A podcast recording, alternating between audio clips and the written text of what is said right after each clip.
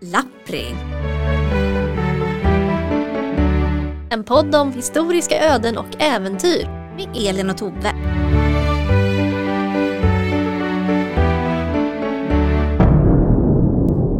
God kväll Tove! God kväll vackra mask.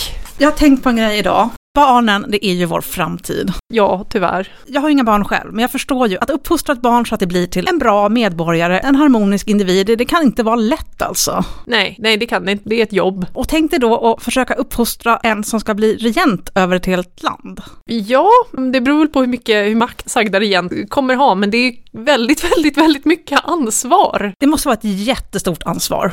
Och vi ska titta lite närmare på det ikväll. Jaha, okej. Kommer du ihåg hur det var 1778? Ja, good times, good times. Alltså det var ju så fint. Mm. Den första november fick ju Gustav III och hans kära hustru sitt första barn. Det är en stor händelse i ett pars liv. Ja, en liten, liten, liten gosse va? Ja, och det var ju till råga på allt en kronprins och tronföljare. Titta, bra jobbat Gustav och Sofia. 12 års äktenskap tog det ju innan lille Gustav Adolf såg dagens ljus. Ja, men ibland tar det lite tid och ibland går det fort, så är det med det där. Men man förstår ju att alla var ju jätteglada åt den här tillökningen i familjen. Ja, Inte riktigt alla faktiskt, om vi ska vara ärliga.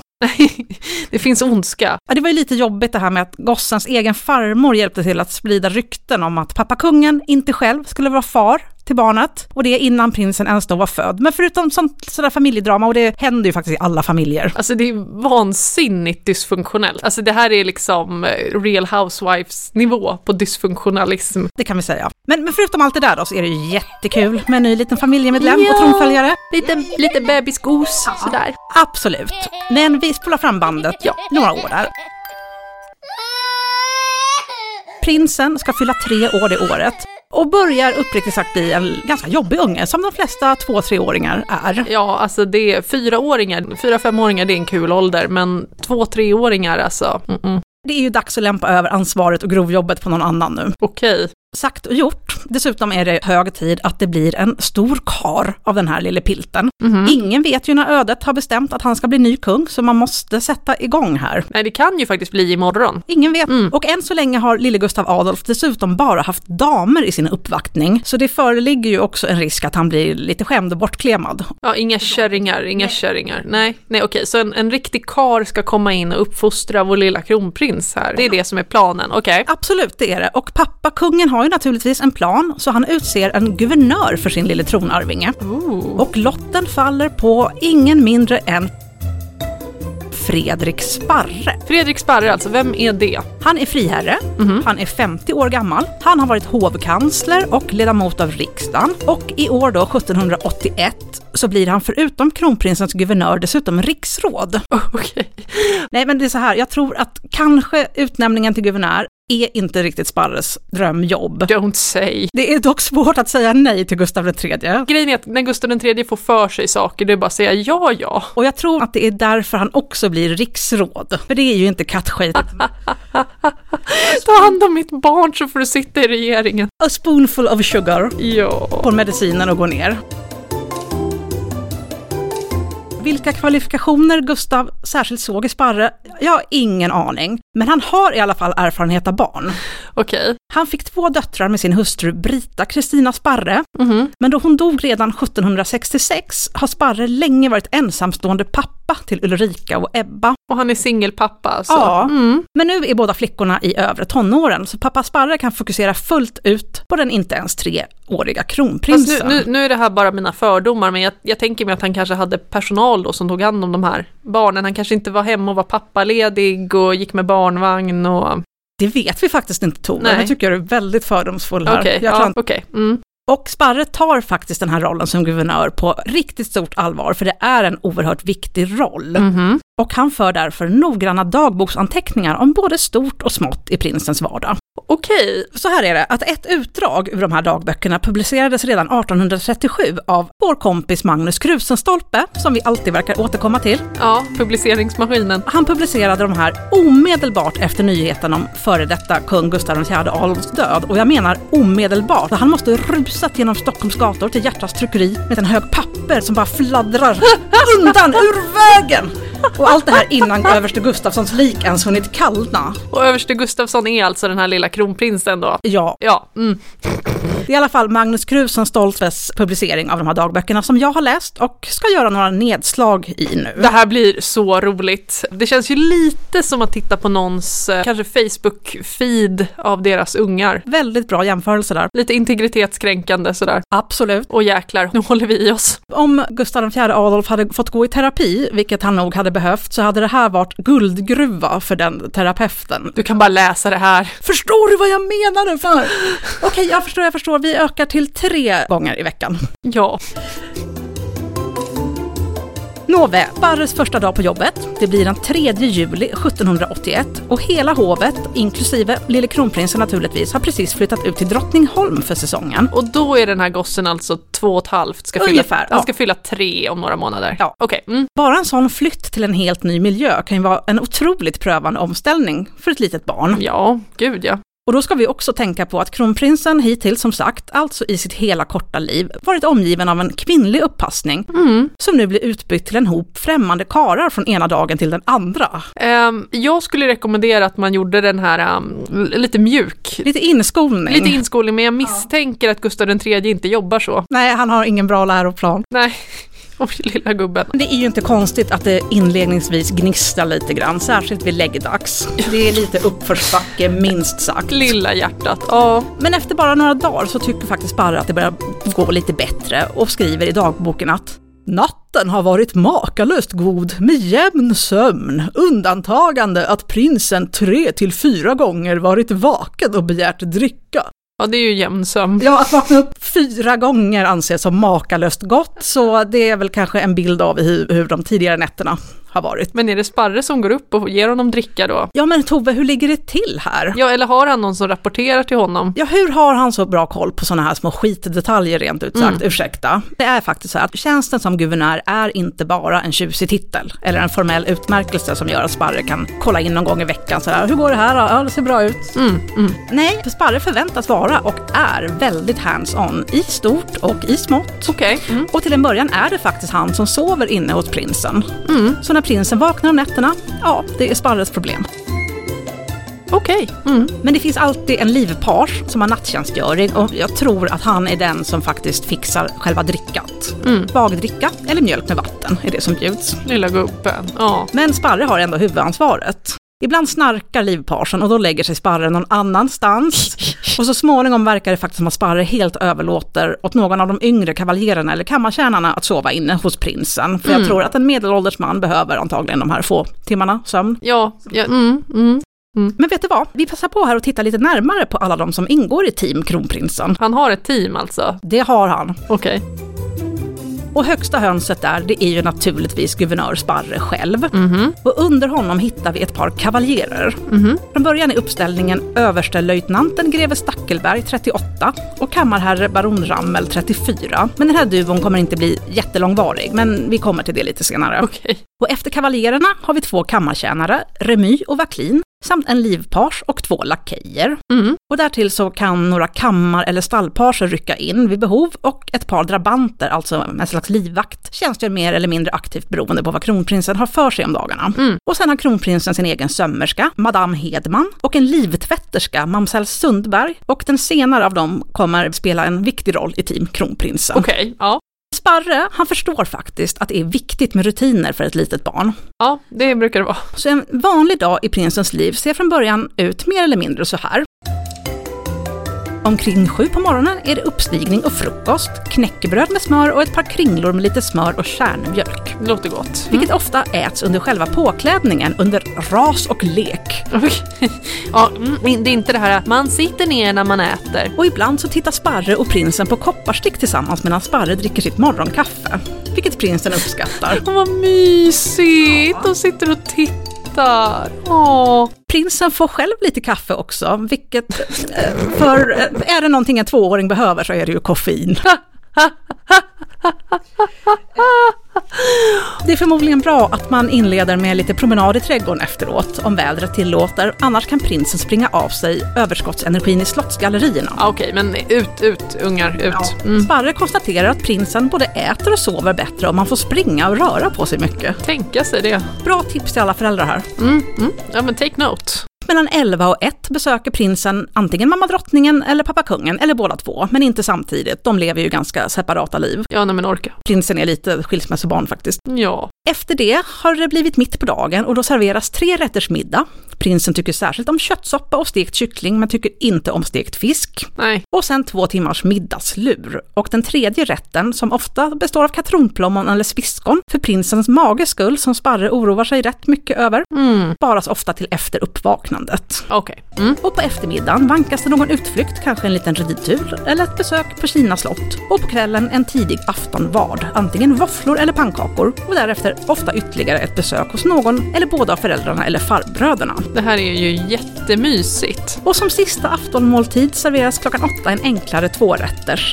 Enklare tvårätter för den lilla tvååringen. Okej. Eller bara lite limpa doppad i löskokt ägg. Det är Ja. också gott. Det är nog lite lättare. Och sen kommer vår prins i säng mellan 9 och 10, lite beroende på. Ja, det är ju lite sent för en tvååring kan jag tycka. Det är en men- lång dag. ja. Ja, det är en lång dag. Sju till tio alltså. Och sen hade han en tupplur. ja två timmar mitt på dagen. Okej. Men jag tycker att det låter lite, lite väl. Det, det är en ganska bast, bastant dag det här, men okej. Ja. Sparre finner sig ändå glatt överraskad över hur snabbt och lätt kronprinsen ändå accepterar den här stora förändringen, både flytten och en ny uppvaktning. Men samtidigt verkar han inte alls förstå varför gossen blir upprörd och grinig när de här rutinerna ändras. Som när han måste delta i officiella sammanhang och ta emot utländska ministrar och liknande. Det älskar tvååringar. Förskolans läroplan var lite annorlunda på 1700-talet. Låter banne mig så. Och det är ju också jobbigt när det blir förändringar i prinsens team. Mm. Ja. Kammartjänarna som klär av och på prinsen med mera blir han såklart väldigt fäst vid. Mm. Och det är inte kul när det kommer nya ansikten. Nej. Som en dag när fransmannen Robert bara dyker upp Nej. Mm. som avlösare för prinsens älskade Vacklin. Nej, nej. Den här Robert talar dessutom inte svenska, så prinsen förstår ju inte ens vad han säger. Oh, men gubbe. Men de pratar svenska med prinsen alltså, de pratar inte franska med honom än. Lite. Mm, lite grann. Ja. Mm. Robert förstår i sin tur rätt lite av prinsens barnspråk, så de förstår inte varandra alls. Ja, det var ju optimalt. Det låter som lite så här au pair-upplevelse. Men här har faktiskt Sparre förståelse. Få barn av prinsens ålder skulle kunna med resignation genomgå ett sådant tålamodsprov. Mm. Men det här, det här är ingenting emot kalabaliken som uppstår när en helt ny kavaljer ansluter sig till Team Kronprinsen. Och Okej, vad händer? bakgrunden är så här. Sparre, redan efter en vecka på jobbet, är på väg mot utbrändhet. Så han måste- Det är ett mood det här alltså. En vecka in. Han måste underdånigast begära att kungen utnämner ytterligare en kavaljer som kan backa upp teamet. Mm, okej. Hittills har som sagt herrarna Stackelberg och Rammel varit kronprinsens kavaljerer, men Rammel har faktiskt ett riktigt jobb som tar upp det mesta av hans tid. Så Sparre och Stackelberg, de går liksom på knäna här. Ja, det är lite mycket för två vuxna män att ta hand om ett barn. Mm. Och vi ska också nämna att Sparre emellanåt är lite irriterad på Stackelberg, som är alldeles för mjäkig och undfallande. Så det är Sparre som hela tiden måste vara den stränga i deras partnerskap. Ja, men det är inte kul, för då är det liksom en som är lek och det är en som är bestraffning och sur och det, det är inget bra. Ingen kul dynamik. Så han måste med jämna mellanrum påminna Stackelberg om att deras uppdrag faktiskt rör kungens och rikets säkerhet. Är det inte alltid kul? Men kungen han lyssnar faktiskt till Sparres böner och utnämner genast ytterligare en kavaljer till sin son. Och gissa vem det är då?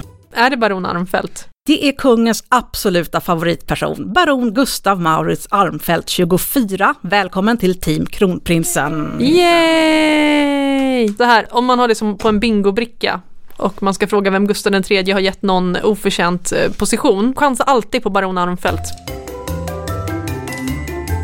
Men det börjar inte bra. Nähä. Armfelts första dag på jobbet kantas av starka scener och tvååringshumör i toppform. Ah, Det kan han ta. Det är inte det att prinsen inte tycker om Armfelt, tvärtom. Mellan fyra på eftermiddagen och nio på kvällen vill prinsen oavbrutet bli buren av Armfelt, vilket vägras honom efter man ju har bestämt att det ska bli kar av gossen. Ja, en tvååring kan vara ganska tung också. Så det är fem timmar av skrik, gråt och Bära prinsen, ta han på armen.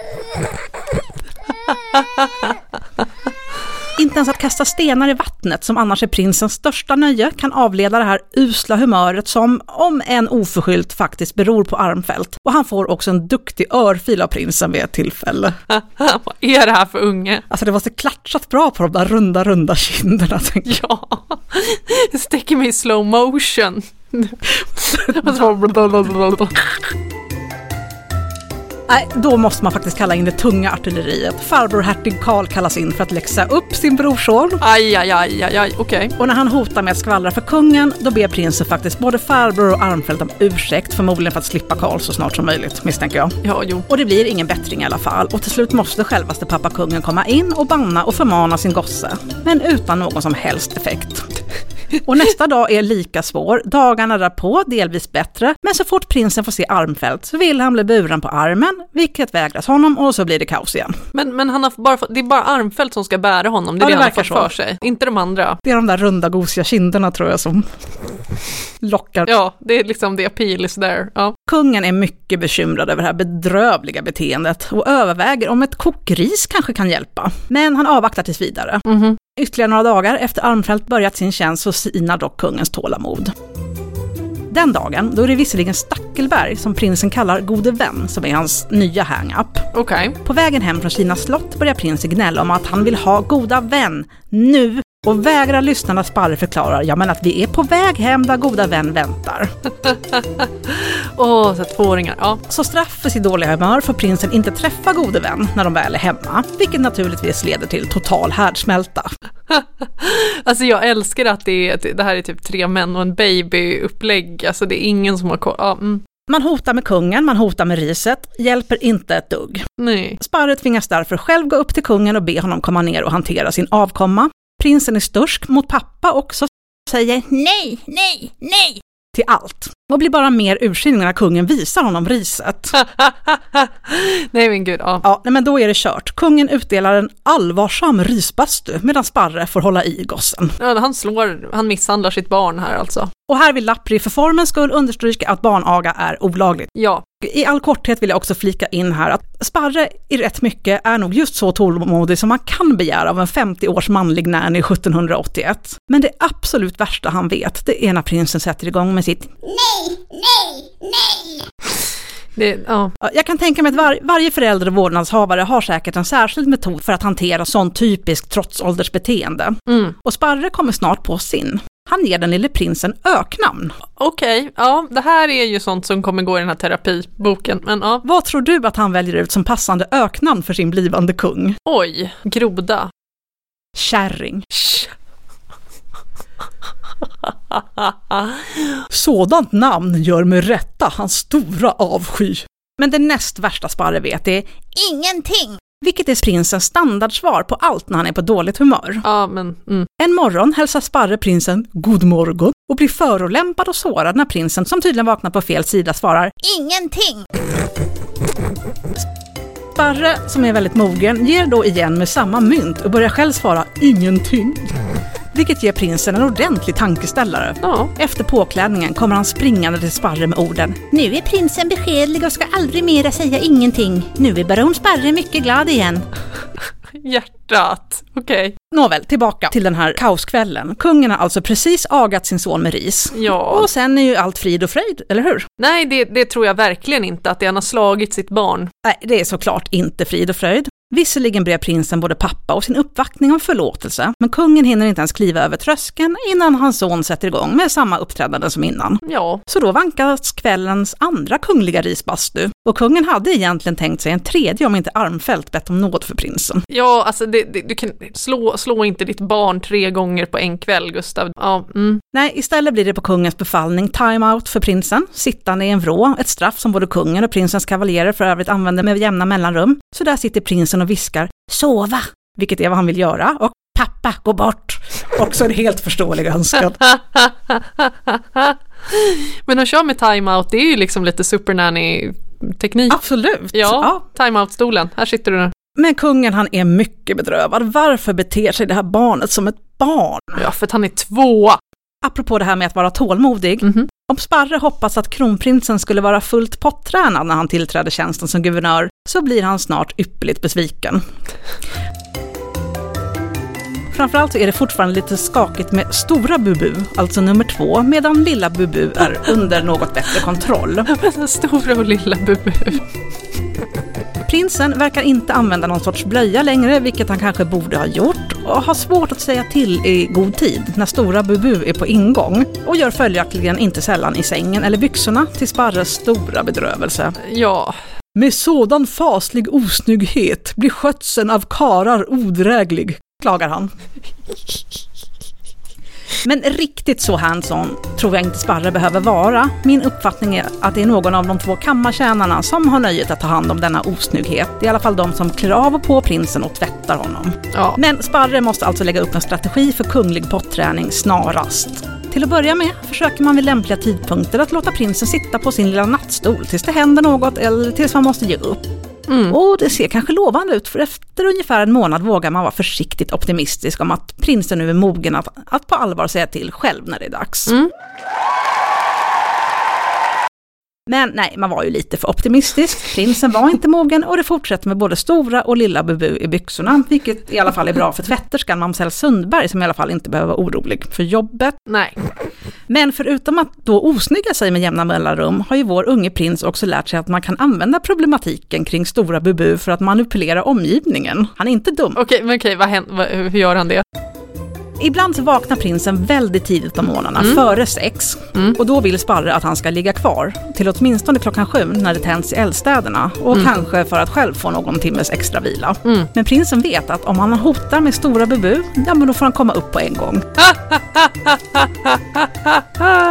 Alltså jag älskar tvååringar, gud vad roligt. Barre är ju nästan lika smart som den här tvååringen så han genomskådar ju det här och frågar bedrövat varför prinsen ljuger. Och prinsen svarar helt ärligt, för att det rubbade prinsen.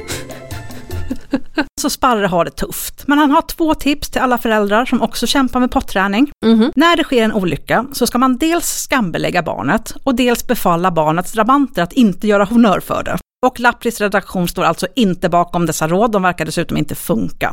Nej, nej, nej, precis, det där, det där får stå för honom.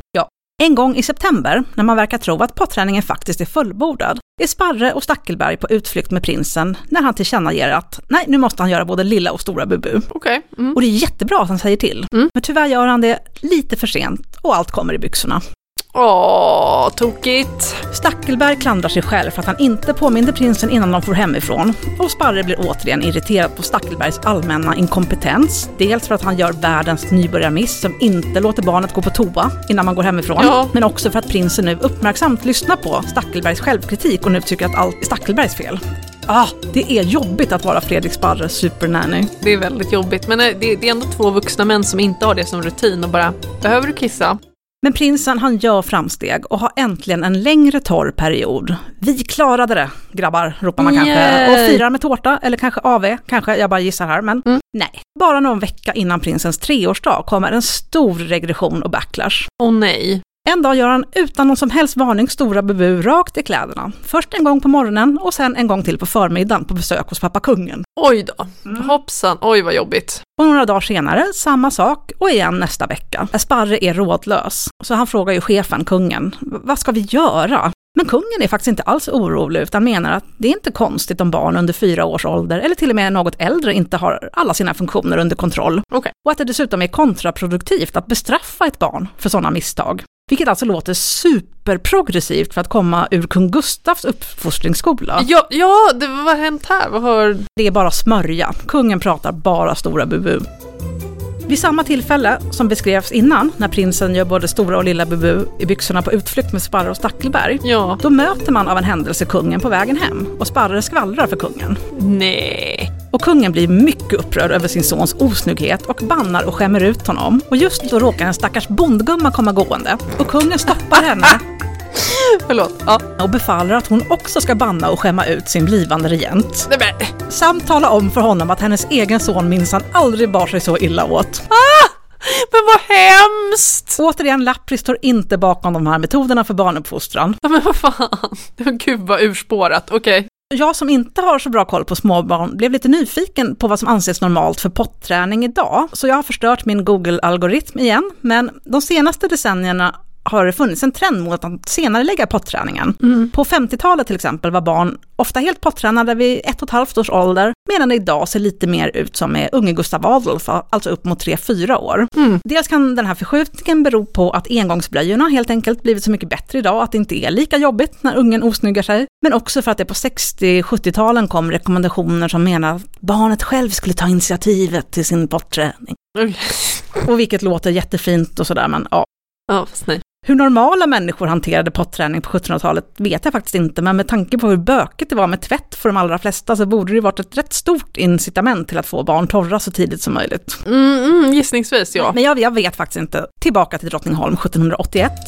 Sparre som guvernör har förstås väldigt mycket att säga till om vad gäller prinsens uppfostran, men störst auktoritet har ju naturligtvis kungen själv. Mm. Och han verkar inte ha någonting emot att Sparre springer till honom och ber om uppbackning med minsta lilla struntsak ärligt talat var och varannan dag.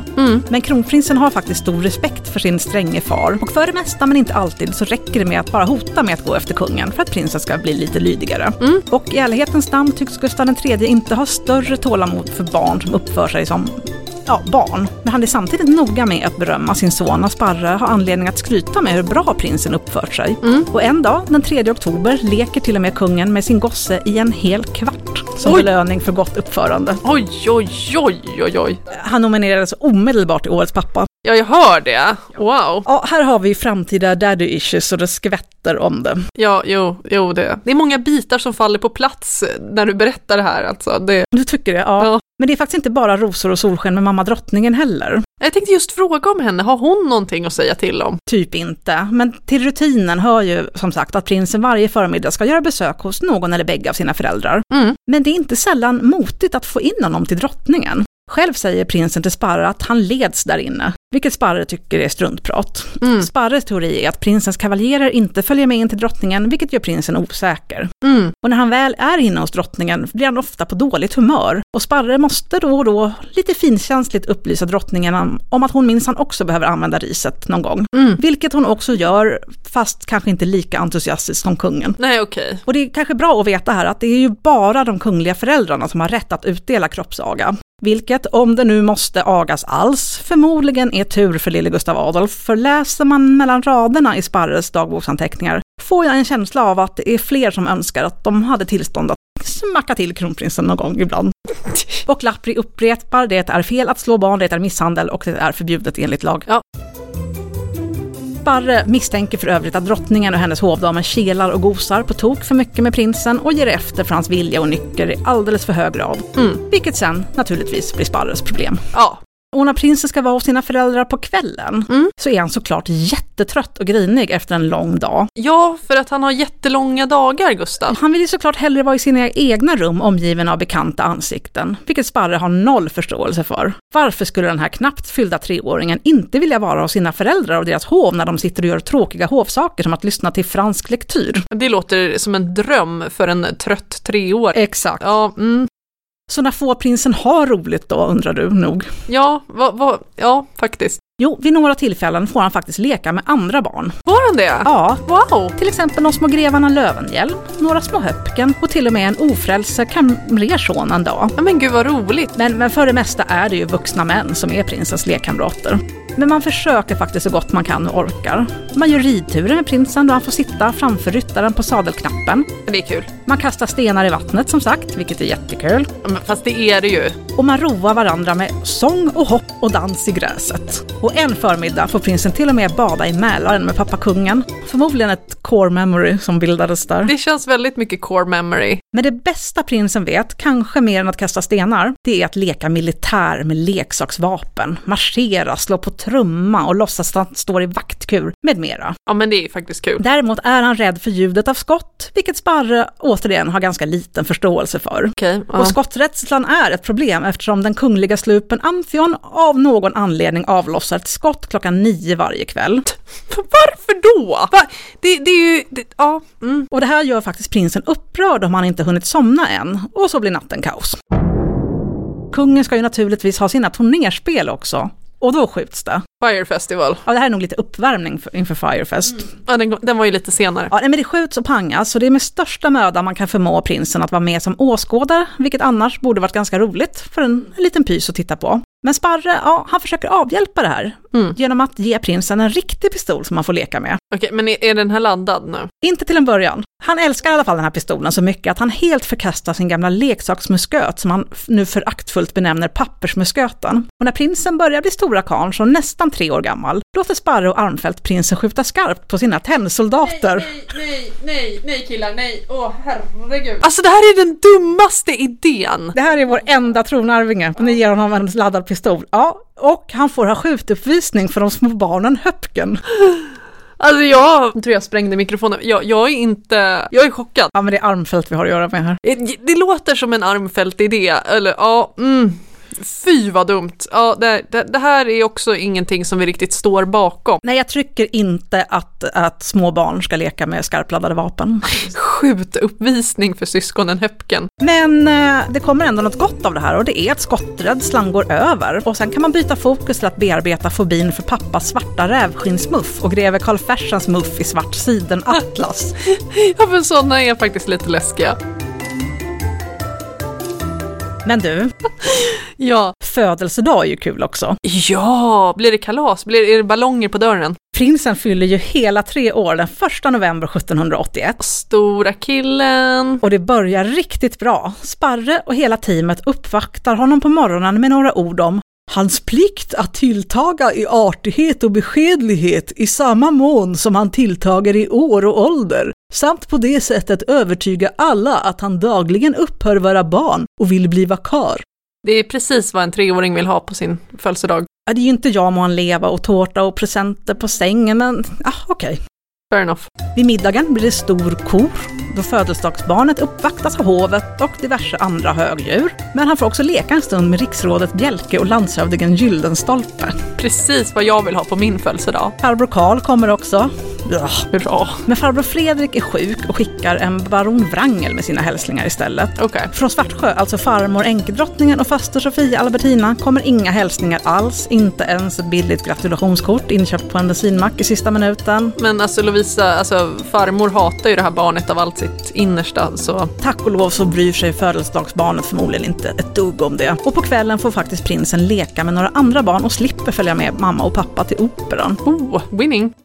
Okej, det kanske är en ganska sunkig födelsedag. Ja, det, det, det. Men så vitt jag kunde se så var det ingen som bannade eller skämde ut honom i alla fall och han verkade ha hållit sig torr hela dagen. Ja, eh, alltid något. Och där i november är Sparres första fyra månader som guvernör och supernanny till ända, så jag ska knyta ihop lite här. Redan 1785, efter fyra år som ledare för Team Kronprinsen, försöker Sparre bli entledigad från tjänsten, men han blir f- helt fri först i juli 1787 och till kungens stora missnöje ska tilläggas. Han vill ha kvar honom där alltså. Ja, men Sparre har faktiskt en helt ny familj att tänka på för egen del då. Mhm, Underligt nog har den här tiden som supernanny inte avskräckt Sparre från ett liv omgivet av småbarn. För 1784 gifter han om sig med Sigrid Charlotta Vrede efter nästan 20 år som enkling. Okej. Hustru nummer två är 32 år yngre än Sparre och faktiskt något yngre än hans äldsta dotter från det första giftet. Okej, ja. Men äktenskapet är åtminstone lyckligt i så måtto att det välsignas med fyra barn som Sparre kanske testar diverse barnuppfostringsteorier på. Fyra barn, men han är typ i 50-årsåldern när de börjar komma då. Ja, Ja, okej. Ja, men det, så kan det vara.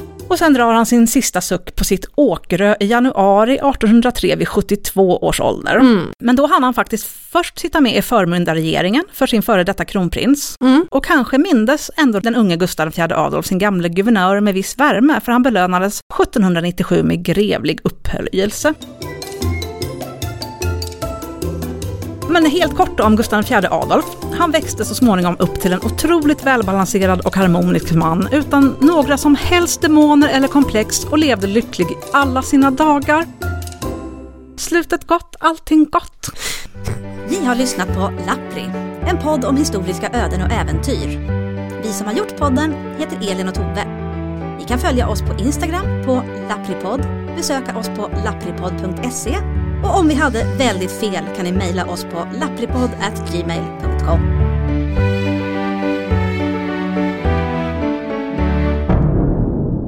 Sån osnygghet! Ja, det, det blir riset, Gustav Adolf.